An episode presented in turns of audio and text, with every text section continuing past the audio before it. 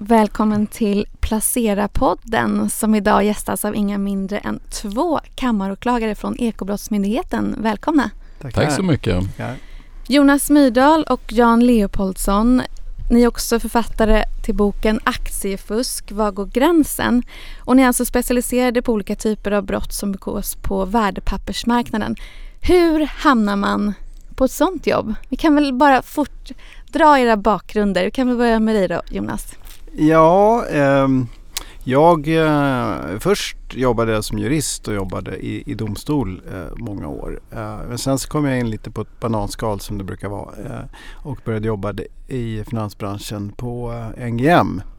Och sen fortsatte det där. Jag jobbade i branschen i 15 år och senast som chef för övervakningen på Aktietorget. Numera Spotlight. Numera Spotlight, precis. Och eh, sedan så öppnades en möjlighet för mig att börja jobba på Finansmarknadskammaren. Och eh, jag tycker att det här är jätteroligt och spännande så att det var en, en chans som jag inte ville missa helt enkelt. Och du Jan? Jag jobbade som eh, vanlig åklagare men jag hade hela tiden, eh, säkert liksom Jonas, ett väldigt levande och starkt intresse för aktiemarknaden. Eh, och var väldigt fascinerad eh, av den. Så att jag eh, sökte mig helt enkelt till Ekobrottsmyndigheten och Finansmarknadskammaren som jag visste att de höll på med sådana här utredningar och sådana här case. Då. Och sen har jag även jobbat med finansmarknadsfrågor på kammarrätten och med överklagande av Finansinspektionens beslut då som domare och även jobbat på Handelsbanken då som compliance på deras marknadsövervakning. Och, och, då måste jag ändå fråga innan vi går in på, på själva brotten här. Eh, hur ser ert egna aktieintresse ut för tillfället? Sitter ni ofta bakom skärmarna? Ja, jag tittade så sent som för 20 sekunder sedan innan vi började faktiskt. Eh, så att eh, jag har ett levande intresse och det vet jag, det har ju du Jan också. Ja, det, det har jag. Så, så det är ju daglig bevakning naturligtvis och det är ju lite grann också en del av vårt jobb att vi ska hålla koll och eh, det händer ju också då att det som händer på aktiemarknaden och på finansmarknaden gör ju att vi då kan, det vi själva läst ta del av, att vi kan starta utredningar. Och eh, jag skrev ju en artikel här om, marknadsmissbruk eh, innan, eh, innan jul. Och då fick jag en del läsarmail och bland annat så skrev de till mig om vad de tyckte var liksom, misstänkt handel i olika aktier. Hur ska man gå tillväga om man, om man tycker sig se att ett brott kanske begås? Ska man tipsa er då? Det kan man absolut göra. Det, det, det är jättebra att göra och då är det kanske inte bara tipsa utan ta med så mycket som man känner till om det hela också.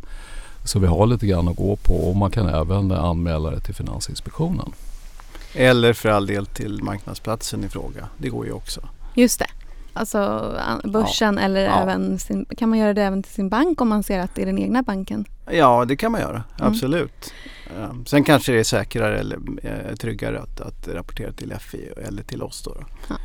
Om man ser det på ett lite eh, bredare perspektiv, hur har den här typen av brottslighet förändrats? För marknadsmissbruk kan väl delas in i dels insiderbrott men också marknadsmanipulation.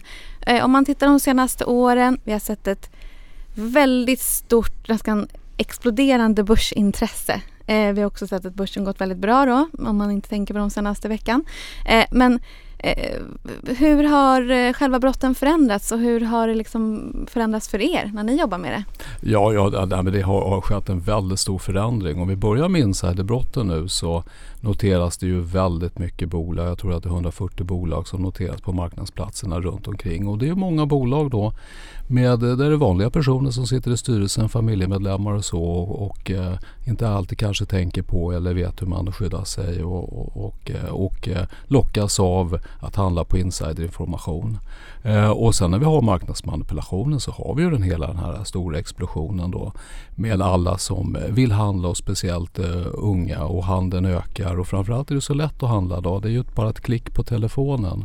Och dessutom så har vi alla sociala medier som gör att man kan då sprida nyheter oerhört eh, omfattande och väldigt kvickt. Och sen så har vi också då sett att det har blivit lättare då med svindlerier helt enkelt att hitta på fejkade saker. Eh, speciellt då genom att man kan basinera ut det på sociala medier. Då. Ändå är det ju ganska få, eh, vi har ju sett ganska många uppmärksammade fall på senare tid. Eh, jag tänker lite det här pump and dump, alltså att man haussar upp eh, ett innehav och sen säljer och man ger då vilseledande information.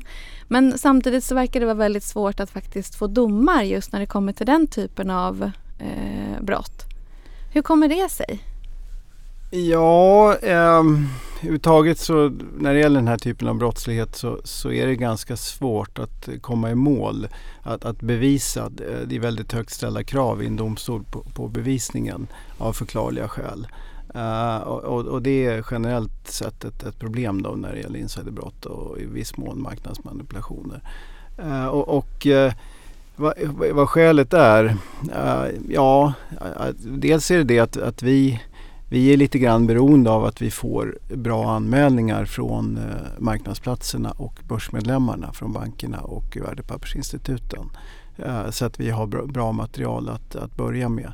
För att vi bedriver ingen egen eh, så att säga, stor eller utvecklad marknadsövervakning utan vi, vi, som Jan sa så kan vi följa med i affärsmedia och sånt där och plocka upp information och, och det händer att vi öppnar egna ärenden så att säga, utifrån det. Men, men vi är ganska beroende av att vi, vi får bra underlag från anmälarna från eh, från börserna helt enkelt. Och det är alldeles riktigt vad Jonas eh, säger då och samtidigt är det viktigt att vi alla då är då väldigt kritiska och, och tar med en nypa salt eh, vad, vad, som skrivs. Och, eh, men man ska veta det samtidigt att vi bygger ju beviskedjor och vi har ju pågående utredningar nu hos oss på Finansmarknadskammaren. Och eh, jag sitter själv nu i hovrätten med ett pump and dump mål.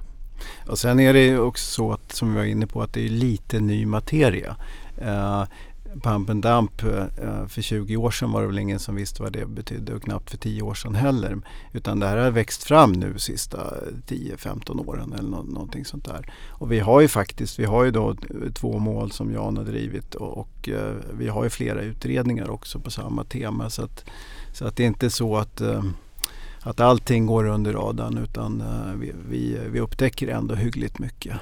Och jag tänker på det, för det finns två uppmärksammade fall och det är väl de som har blivit dömda. Det mm. är ju det som, som, de som kallas läkarstudenterna och ekonomistudenterna. Mm. En, eh, men det är en oerhörd systematik, det är väldigt stora affärer, stora vinster. Eh, men det är egentligen ingen som ska behöva krävas för att bli dömd, eller hur? Nej, det behövs inte faktiskt. Och, och eh, vi det är ju alldeles riktig beskrivning eh, som du säger Laura Eleanor. Och, eh, men eh, det, vi kommer nog se fall när folk kommer att åtalas och, och säkert dömas där det är betydligt mindre systematik faktiskt. Nu, eh, vi har ju ett forum som precis stängde. Eh, mycket håsning sker ju där, det kan man förstå. Eh, det, det, ska ju däremot återöppnas såklart. Men jag tänker att hur lätt är det för er? Det finns väldigt många stängda rum. Det finns något som heter Discord, eh, sådana här kanaler. Ni, har ni någon form av infiltrationsverksamhet eller är ni helt beroende av att folk faktiskt tipsar som är i de här rummen? Eh, ja, eh, och, och, jag skulle vilja börja med att säga att det som är allra nytt det är ju då att eh, till skillnad från de här vägledande casen som vi haft med, med um, de här ekonomistudenterna och läkarstudenterna det är ju det helt enkelt att man nu går ihop. Det är ju det senaste att man har en community där man går ihop och ett visst klockslag så börjar man helt enkelt att handla. AMC GameStop. Ja, såg vi och då skjuter vi upp och, och, vi har nu även svenska, vi har ju en utredning på gång med även då svenska bolag eh, som eh, det är föremål för det då. då. Eh, så att, men vi har möjligheter att även ta del av eh, bevisningar som eh, sker i en Discord. Och vi har så vad vi kallar tvångsmedel som vi kan ta till. Så att ni kan komma in i de här rummen och, och... Ja, i, i, i vart fall så, så, så, kan vi få, få tag på bevis helt enkelt ifrån datorer och telefoner och, och så vidare. Så vi kan förvänta oss mer domar i pump and dump-fall då? Det hoppas vi. Det hoppas ja, vi. Det, det, det, kan vi nästan, eh, nästan garantera. Jag, säga. Det, det, ja, det, jag är väldigt positiv, jag är optimistisk när det gäller det. det vi, vi, har ju flera utredningar också som har kommit en bra bit på vägen. Men det krävs ett samarbete. Det, det, det, det krävs att marknadsplatserna gör sitt jobb eh, och gräver och, och, även bankerna och till exempel Avanza och jag vet att Avanzas marknadsövervakning är ju på hugget eh, verkligen. Eh, och det är jättebra och, men det krävs också insatser med, från Finansinspektionen och även från oss och att vi får också tillräckliga resurser för det är väldigt Eh, personalkrävande helt enkelt för det är mycket grävarbete. Och eh, i den andra änden av eh, marknadsmanipulationen så har vi den som man gör med sin egna handel. Och då kan man väl säga att sådana enpetare är väl bland de mer vanliga eh, sätten. Men här har ni, om jag förstår sedan 2018, rätta mig om jag har fel, ett eh, väldigt tajt samarbete med Finansinspektionen. Ja det stämmer precis. Och det är väl egentligen eh, från den nya lagstiftningen som kom i februari 17. Uh, eh, och det är ju så att, att Finansinspektionen tar emot anmälningarna från börserna och börsmedlemmarna och gör en egen bedömning om det är ett otillåtet agerande. Och sen om man bedömer att det, att det inte är ringa, att det är så att säga av normalgraden eh, då ska, ska anmälan gå vidare till eh, Ekobrottsmyndigheten, till oss. Då, då och om det dessutom är ett uppsåtligt agerande. Så att om det är ett ringa agerande eller ett oaktsamt agerande som det heter, då hanteras det av Finansinspektionen. Och eh, då hanteras det så att säga, in, inom en administrativ process och då kan det bli tal om att man får administrativa slags böter Sank ja, sanktionsavgifter kallas det då. då. Mm. Och då är, den är ändå, de är ändå rätt saftiga ju.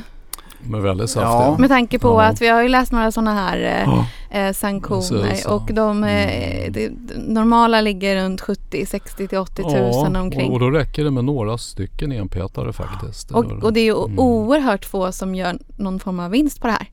De, om vi ja. pratar, mm. det är några tusen lappar och det, det är, liksom, det, det är ganska taffligt gjort många gånger. Eller ja, är det så, är det. att det är många som kommer undan med den här typen av Ja, det är, det är väl förmodligen en del som kommer undan. Men, men det här har ju eh, det här har ju marknadsplatserna blivit duktiga på och även börsmedlemmarna. Så, så att det är ju väldigt många som eh, helt enkelt åker på de här sanktionsavgifterna från Finansinspektionen. Eh, så, så att det, det, har, det är ju deras Eh, ja, det, det, är de fall som de jobbar hårdast med och, och som eh, det har varit ett eh, ganska stort antal domar och, och beslut då, sedan 2017. Mm. Men jag tänker, vi har väldigt många nybörjare på börsen. Vi har ganska många unga människor eh, som är också oerfarna som kanske liksom experimenterar sig fram lite och mm. även på de här mindre börserna i de här små bolagen med väldigt låg likviditet. Finns det risk att man helt enkelt eh, gör brott, för du sa prata uppsåt och det här, att man gör ett brott utan att man faktiskt vet om att det är olagligt? Ja, alltså, så kan det naturligtvis vara. Men min erfarenhet av det hela det är ju ändå då att någonstans så förstår man att man är ute, eh, om det verkligen det här är tillåtet, att man är ute i en gråzon. Man, vad, man, vad man ska tänka på som är väldigt viktigt är att man är ute på en marknad. Det är en marknadsplats. Priset, kursen, sätts genom att köpare och säljare möts. Om jag då själv försöker att bestämma kursen eh, genom att peta upp kursen då så är det ju bara jag själv som bestämmer kursen och då är det någonting som är galet. Då är man ute, fel ute. Om man köper en aktie än ett annat mål med det än att man ska göra en egen vinst då till exempel. Just det. Det är det mm. som är det viktiga i det här. Mm. Och eh, en annan grupp av eh, läsarmejl som jag fick eh, det var ju det här att men titta på det här, det här ser inte bra ut men eh, man tittar på när en enskild person gör det här och tjänar 2000 kronor. Men vi har ju också market makers, vi har eh, stora eh, banker och så som har en robothandel. H hur ska man liksom förstå att det är okej? Okay? Ja, man, man kan säga det att, att, att eh, när det gäller enpetare så tycker jag ju personligen att det är bra att man har en nolltolerans. Eh, sen kan man ju alltid diskutera var sanktionsavgifterna, böterna ska ligga på, vad som är rimligt eller inte. Men risken är ju naturligtvis, fokuserar man för mycket på enpetarna då är det ju då de här eh, större manipulationerna som man kanske inte ser eller kan fånga upp. Precis som du nämner då, då med market makers och emissioner och vad större aktörer gör. Men, ja, och det är väl så också att man, uh, man känner väl lite i branschen och, och från vår sida av Finansinspektionen att, att det har varit bra att markera och sätta ner foten när det gäller enpetarna. Eh, men nu är det kanske dags att, att eh, fokusera mera på, eh, på annan typ av manipulation och helst kanske lite allvarligare typer Eh, och se, om, och se om man har missat någonting där i övervakningen. Och det pågår också en, en, en debatt, eller en debatt, en, ett arbete kan man säga eh, en diskussion om man nu ska äh, sätta in spärrar i handelssystemen så att man inte kan påverka kurserna med allt för små volymer. Ja, så att det är någonting som marknadsplatserna arbetar med och det är möjligt att vi kommer att se en förändring om, om något år eller, eller så. Att man faktiskt inte kan eh, påverka kursen eh, med allt för små volymer. Och det vore ju jättebra för det blir ju väldigt brottsförebyggande. Och många menar väl på att marknadsplatserna kanske inte gör, det, det, det finns en sån kritik, eh, alltså börserna gör in, eh, inte är så pigga på att göra någonting åt det för de tjänar väldigt mycket pengar på det. Eh, ja, det, det, är ju naturligtvis eh, förmodligen en, en, en, balansgång för dem men eh, de är ju naturligtvis tvungna att eh, ta itu med fusket också annars så eh, kommer ju deras förtroende för eh, minska och, och, man vill ju inte handla på en handelsplats där man inte kan lita på eh, kurser och volymer. Och, och hur ser det ut då i Sverige? Eh, om man tittar på, för dels man kan ju som privatperson göra en egen algoritm, bygga en egen robot. Men det kan ju också vara sådana market makers och, och, och allt institutioner till och med som, som är här och man kan lägga ut en order och så kan man dra tillbaka den på några mikrosekunder. Eh, finns det någon, eh, liksom, något, något, exempel på att någon ens har blivit utredd för marknadsmanipulation på, på en liten högre nivå om man säger? Ja, vi har ju haft några fall rörande spoofing order book layering som handlar just om det att man, att man luras genom att lägga stora ordrar som inte är genuint eh, menade. Men man vill inte få avslut utan man lägger de här eh, stora köpordrarna till exempel för att man ska indikeras, eh, ge sken av att det finns ett stort köpintresse. Uh, men i själva verket så ligger man och lurar på säljsidan och vill, vill få upp kursen för att kunna sälja dyrare. Det har vi haft uh, ett relativt omfattande mål och, och, andra mål också som har haft uh, det momentet. Men vi har väl inte haft något rent mål rörande high frequency handel. Och, och väl, väldigt utstuderad och, frekvent eh, orderläggning. Uh, det, och det, det vet jag att det, det finns överhuvudtaget väldigt få avgöranden även internationellt på det området. Men det är klart att det är, en, det är någonting som är väldigt intressant. Kan man förvänta var, var sig mer? Går gränsen? Ja. ja. Kan man förvänta sig mer av den varan framöver då tror ni? Eh, ja, man ska ju veta det att när det gäller high frequency-handeln så alltså allting syns. Eh, de digitala fotspåren eh, så, så, har vi men samtidigt ska man ju veta det att bara för att man lägger in många ordrar och sen drar tillbaka dem så behöver ju inte det betyda att man gör sig skyldig till något brottsligt utan det handlar ju om syftet. Är syftet bara att vilseleda eller påverka kursen eller volymerna, ja då är det ju brottsligt. Eh, men det är inte så per definition att det är brottsligt. Så det är syftet men där som är det ofta vi, faller på ja, här? Ja, det är syftet. Och, men där är vi ju så att säga Eh, där måste ju eh, marknadsplatserna vara på fötterna eh, för att det är de som kan se det här och det är de som kan anmäla det. Och vi har ju ett väldigt bra samarbete med marknadsplatserna och det behöver säkert att eh, utvidgas och fördjupas. Ja, och, och till exempel, ett exempel som jag har tänkt på tidigare det är ju när eh, ett bolag är helt nytt på börsen. Då är det ju ofta så att man det kallas för green shoe eller något sånt där också. Att man eh, stöttar priset. Det känns ju som ett, att det absolut inte är då för att köpa och sälja med vinst utan det är ju för att hålla upp ett pris, så kallad pris eller kursvård som ju inte är lagligt. Hur kommer det sig att det är okej då men inte för en 23-åring? Ja, det är en bra fråga men just det där fallet är faktiskt lagligt om man gör det på rätt sätt. Eh, för det, där finns ett undantag i lagstiftningen för, för just den här typen av åtgärder. Uh, men det är då reglerat uh, ganska strängt att man ska informera om hur, vad man har för avsikter och hur man tänker handla och, och, och så vidare. Eh, men det är ett väldigt speciellt undantagsfall. Då, då.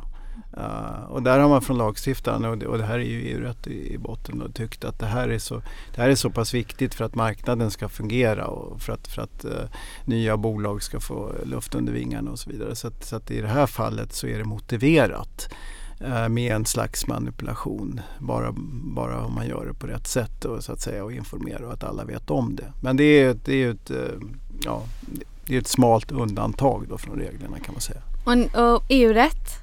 Mm. Det är det som gäller? Det är det som gäller ja. ja. Precis, ja. Och hur liksom, jag tänker att den svenska börsen är liksom ganska mm. stor skillnad jämfört med många andra börser. Hur väl lirar då den svenska börsen med EU-rätten då?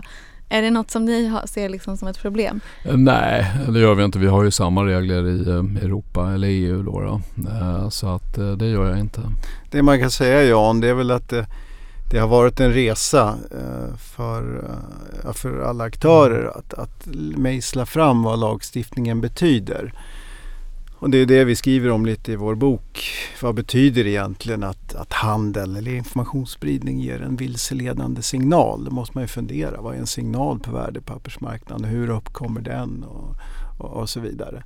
Uh, men det är något som har skett nu i uh, 10-15 mm. år. Så, så nu har vi fått till en ganska bra ordning när domstolarna kan materien. Eh, förhoppningsvis jobbar ja. hyggligt professionellt. Ja, men där, där har du ju rätt Jonas. Eh, för, för att den här terminologin som, som finns då i EU-rätten eh, den är ju lite främmande för Sverige. Så att där håller vi på att lära oss. Och det var ju ganska intressant just när vi pratade om pump and dump och eh, med de här vägledande avgörandena med ekonomistudenterna och eh, läkarstudenterna där man enligt den svenska uppfattningen tidigare var ju så att säga det att det man skriver för om man ska kunna fällas för någonting så måste det vara fel det man skriver. Men sen så kom ju EU-rätten och där var ju vi så att säga, det tog ett tag för oss att förstå egentligen den att det behöver inte vara så att eh, det är fel utan det räcker här om man håsar det helt enkelt. Jag man, tror att den här bara, kursen kommer dubblas på ett ja, halvår. Ja, att man bara plockar fram cherry picking, bara plockar fram positiva grejer. Inga negativt, inga hinder, man tar inga risker. Det räcker och det var lite ovant för vår eh, svenska uppfattning och svenska terminologi. Men eh, där börjar vi ju lära oss nu ordentligt. Kan man pumpa utan att dumpa då? Ja, det kan man göra. Och, och, och de som tänker sådär, ja ah, men jag är ute på Twitter och aktieraketer och allt vad det heter på mm. Facebook och tänker nej men det här gör ju folk hela tiden. Men då det krävs en, en rejäl systematik då för att det ska... Ja, nej men rejäl systematik, alltså det kan ju vara brottsligt med betydligt mindre systematik men med rejäl systematik det gör ju det att bevisläget så att säga blir bättre. Men det blir också någon konstig sådär uppfattning att alla gör så på de här forumen. Det är ungefär som man är ute på krogen och börja slåss och sen försvara sig med ja men det är, folk slåss ju på krogen så det är väl inget konstigt. Mm. Så det är, det är inte så... Det är inget försvar. Nej, nej, nej, ja. nej som duger. eh, jag tänkte på en grej, spelar det för roll vad man har själv för roll? Om ni förstår vad jag menar.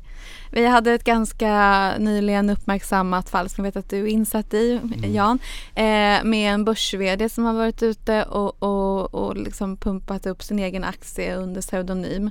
Eh, är, är det liksom försvårande? Nu var ju... Ja, det är det. Det är ja. definitivt. Och det står till och med i, lagtexten att, att gärningsmannens ställning är en, en sån omständighet som kan göra att ett brott är, ska betraktas som grövre än annars.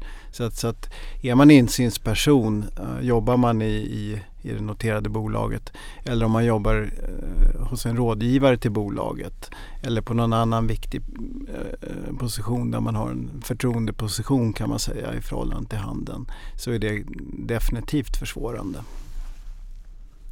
Men generellt då, vi har pratat väldigt mycket om marknadsmanipulation och det är medvetet för att det är ju de flesta som lyssnar på det här är ju inte insiders och får inte del av insiderinformation. Men insiderbrotten är betydligt vanligare, eller hur? En... Än eh, marknadsmanipulationen? Ja, det är nog ganska svårt att avgöra. Jag vet ja, inte men det, det, det, det, det tror jag ja, faktiskt att ja. mörkertalet är nog det och speciellt nu. Vi har så mycket små bolag, små förhoppningsbolag och de bara ökar och, eh, och där tror jag att vi har ett ganska stort mörkertal. Att det är nog en hel del ändå som handlar på information som de inte får handla på.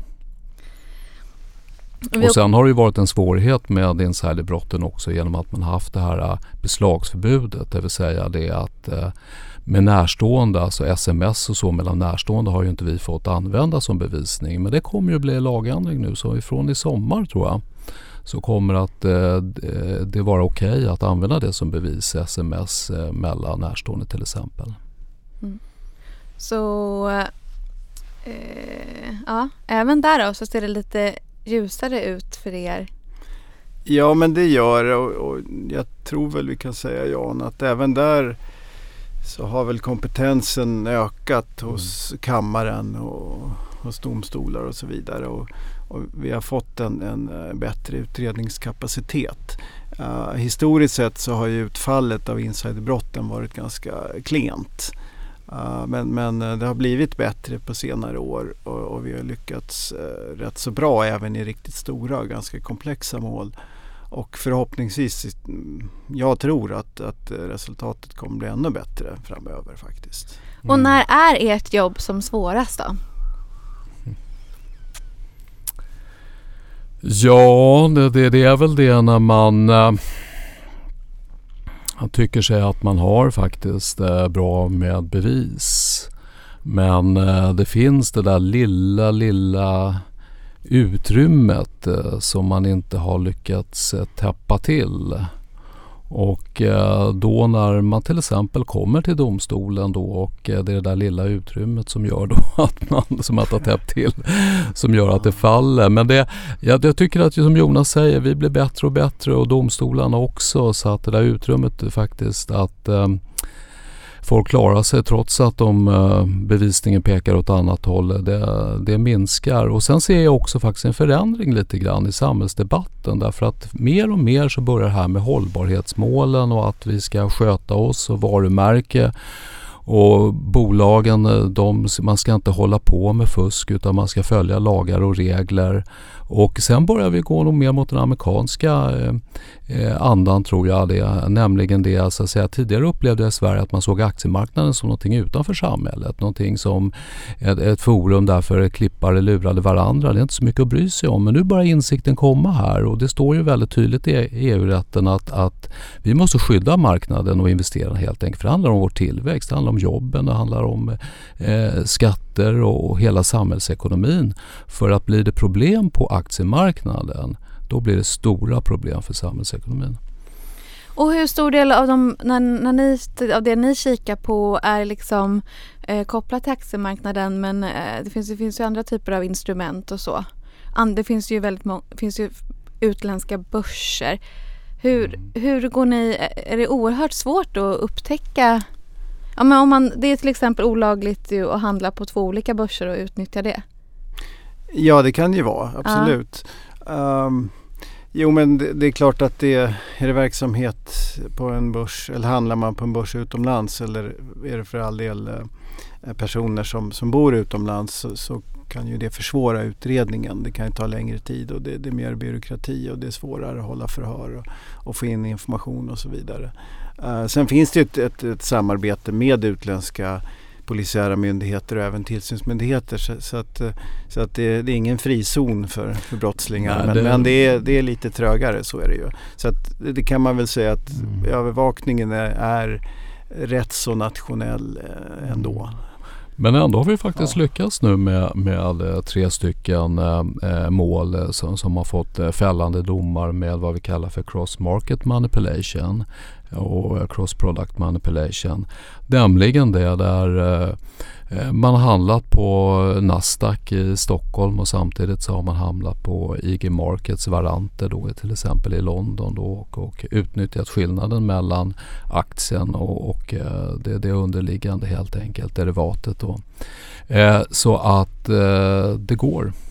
Och även här är utvecklingen eh, på rätt eh, spår så att säga. Eh, därför att det är nya lagstiftning som kom 2017 då sätter mera press på finansinspektionerna att de ska samarbeta och utbyta information. Och, och det där är en process som pågår. Den, den blir nog bättre och bättre. Den blir bättre och bättre så att det, det, utredningsläget kommer bli bättre framöver också när det gäller så att säga, internationella kopplingar. Och som sagt, eh, det kom ut en bok här eh, i slutet på förra året. Var låg den under många granar i jul? Varje gran hoppas jag. är det som en handbok då hur man kan fuska med aktier? Ja, det, men det är som en, en, en eh, för marknadsaktörer eh, som eh, att en handbok att ta upp faktiskt och slå i. Men även skulle jag vilja säga för väldigt aktieintresserade privatpersoner faktiskt. Ja, för det, att, det är det på ja. den hemsidan så står det att mm. det är framförallt folk som jobbar med det. Men även ja. då... Eh... Ja, ja, de som är lite insatta och de som är väldigt intresserade att ha det som en handbok och, och slå upp i så att säga. Va? Och, men den funkar även för de som vill fördjupa sig i materian. Det har ju egentligen varit vår målsättning där att inte bara skriva en rent eh, juridiskt eh, orienterad bok eh, för, för ett litet fåtal utan även försöka bredda så att säga, målgruppen lite grann och genom att ge väldigt mycket praktiska exempel.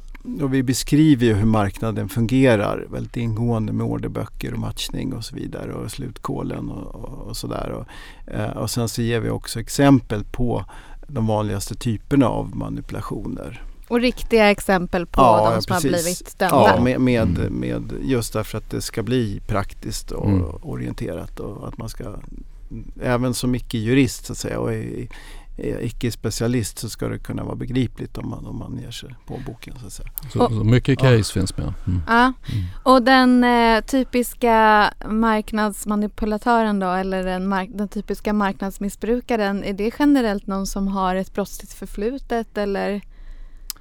Det skulle jag nog inte vilja säga att det är men, men eh, däremot så är det kanske någon som är eh, beredd att ta lite medvetna risker och är lite grann på, på gränsen faktiskt. Eh, ehm, så skulle jag nog vilja säga. Och, eh, och oftast då, och det är det som är ganska typiskt, det är ju det att eh, när, om man känner att man är, om det verkligen är tillåtet, då brukar man ju oftast höra av sig till sin bank och fråga, är det här okej okay att göra på det viset?